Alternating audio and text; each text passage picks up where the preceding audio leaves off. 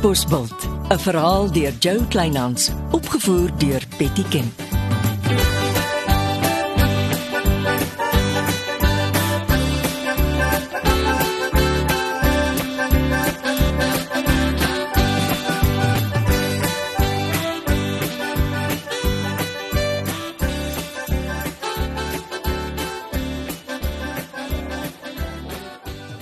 Dit was die mooiste wat ek die burgemeester nog hoor praat het. Ja, dis omdat hy uit sy hart gepraat het. Hy was baie erg oor Barbara. Mm, Ek kon dit hoor. Hoorie, uh, Reggie, wat is die nuus van Jasper se ma? Die dokter voel sy moet onder die sorg van 'n onkoloog kom. Hm? Dit klink ernstig. Ja, en sy het gevra om terug te gaan Pretoria toe daarvoor. Haar mediese fonds dra 'n deel van die ambulanskoste en ehm Leonardo betaal die verskil. En Jasper? Gaan hy self? Nee, nee, nee, sy ma het 'n stokkie daarvoor gesteek. Sy voel Jasper kan nie nou weggaan terwyl Leonardo so swaar op hom leun nie. Ek het 'n uh, halfuur met die vrou gepraat en nee, ek was regtig beïndruk. Sy's 'n goeie mens. Sy is. Ons Skype nogal gereeld. So waar. Dis goed. Haar grootste probleem is nie Jasper nie. Dis Leonardo wat hom al hoe meer saans aan die bottel vergryp. En sodra die drank inskop, bel hy haar. Pak alles wat met hom gebeur of nie gebeur nie by haar af. Tog. Weet Jasper daarvan? Ek dink so. Hy weet seker dat dit gebeur net sonder detail. En bespreek Janita met jou van die detail. So 'n bietjie. Jy kan sien dis maar erg vir haar.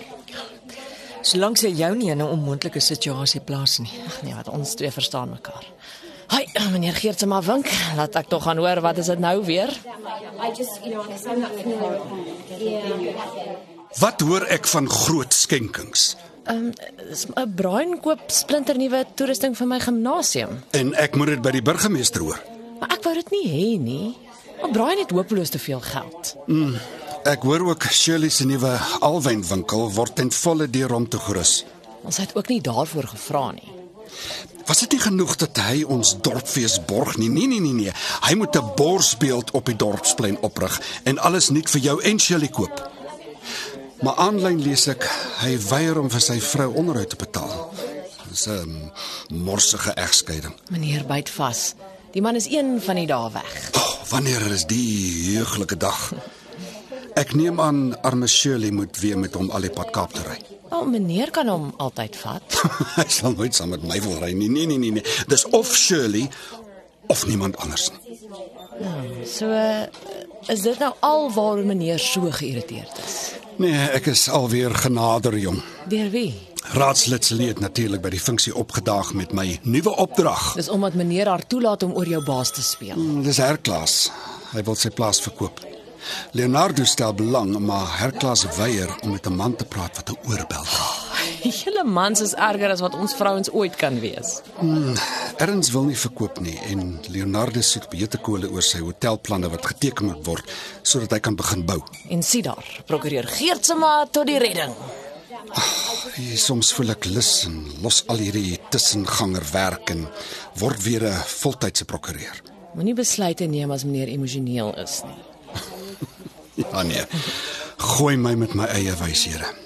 Maar wag laat ek ry voor Barkley herklas se plaas koop net om Leonardo 'n punt te wys.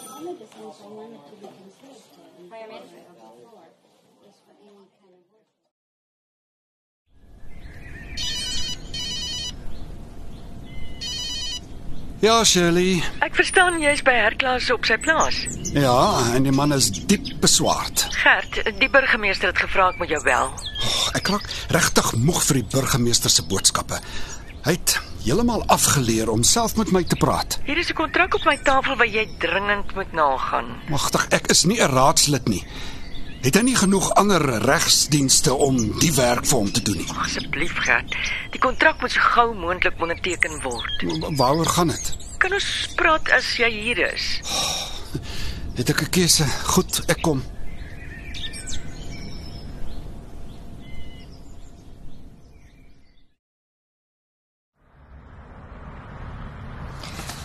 Dankie dat jy so vinnig gekom het. Hierso, die kontrak. En dit met jou onverdeelde aandag kry. In 'n neutedop asseblief. Richroo word in my naam oorgedra. Magtig, maar die man is erg oor jou. Die kontrak hou groot voordele vir die dorp in. Die feesterrein soos dit nou is word behou. Daar mag wel verbeterings aangebring word, maar eh, ek moet elke jaar die feesterrein tot die beskikking stel van die dorpsraad vir die fees. En intussen staan die geboue soos wit olifant. Nee nee. Ek kan deur die loop van die jaar die plek uitverhuur vir ander feestelike dinge en op die manier fondse insamel om die feesterrein te onderhou. Ah, en, en jou alwynplantery? Richroo word in twee verdeel. Die feesterrein en die landbougrond. Ek mag op die afgekampte landbougrond boer mm, soos ek wil. Maar die werkershuisies is is tog deel van die feeste. Ja ja. My werksmense moet ongelukkig op die ander plaasie bly. Die wat hier werk word bedags in en uit Richroo toe gery. Mm -hmm.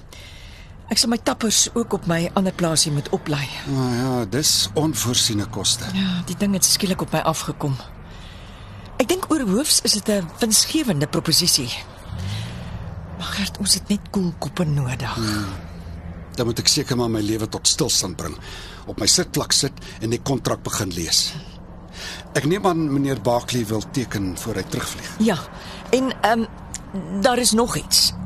Richroo se naam verander na Barkleyville.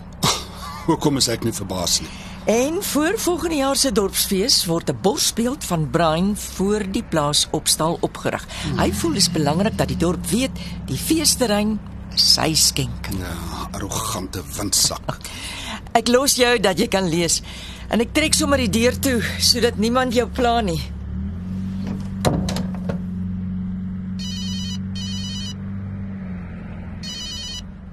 Ehm um, het die burgemeester jou ook gestuur met nog 'n boodskap?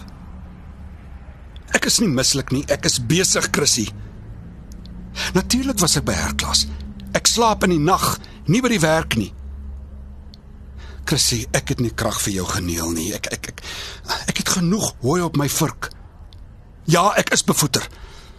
Almal misbruik my goedhartigheid en ek raak nou so stadig aan siek en sat daarvoor. Chrissy, ek soek nie pannekoek nie, dankie. Nee, dit het niks met enige suikertelling uit te waai nie. Totsiens.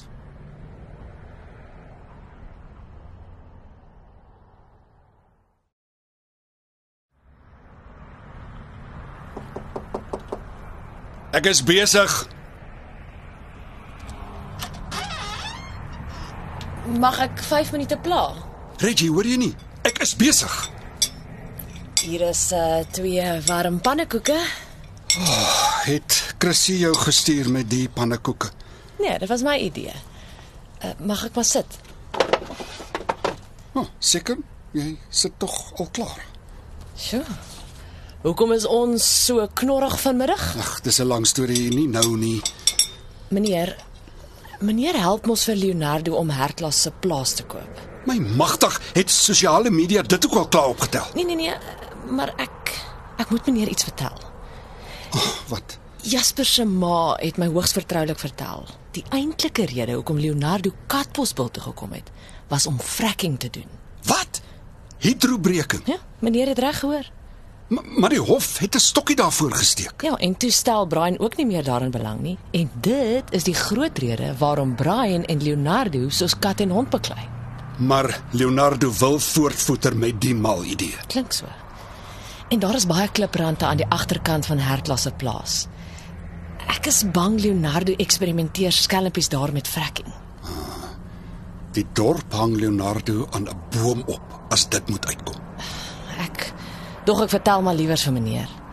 Jasper se ma is baie bekommerd. Sy glo Leonardo se kop is besig om heeltemal uit te hak.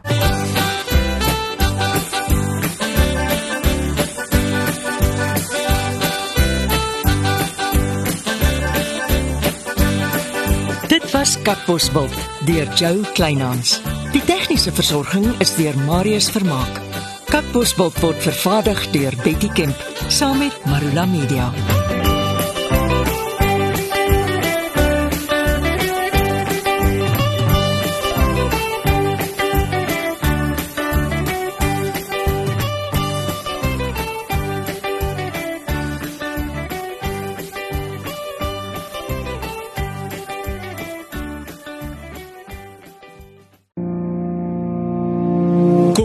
Saam met my, Kurt Darren en nege van my sokkie musiekvriende op die Super Sokkie Bootreis 2024. Marula Media gaan ook saam vanaf 8 tot 11 Maart 2024 en ons nooi jou om saam met ons te kom sokkie op die musiek van Jonita Du Plessis, Early B, Justin Vega, Jay, Leani May, Nicholas Lou, Jackie Lou, Dirk van der Westhuizen Samantha Leonard. en Rydelin. Afrikaanse musiek gaan weer klink van die kuierareas tot die dek tot reg in die teater van die splinte nuwe MSC Splendide. Bespreek nou jou plek op die Super Sokkie Bootreis by www.msccruises.co.za.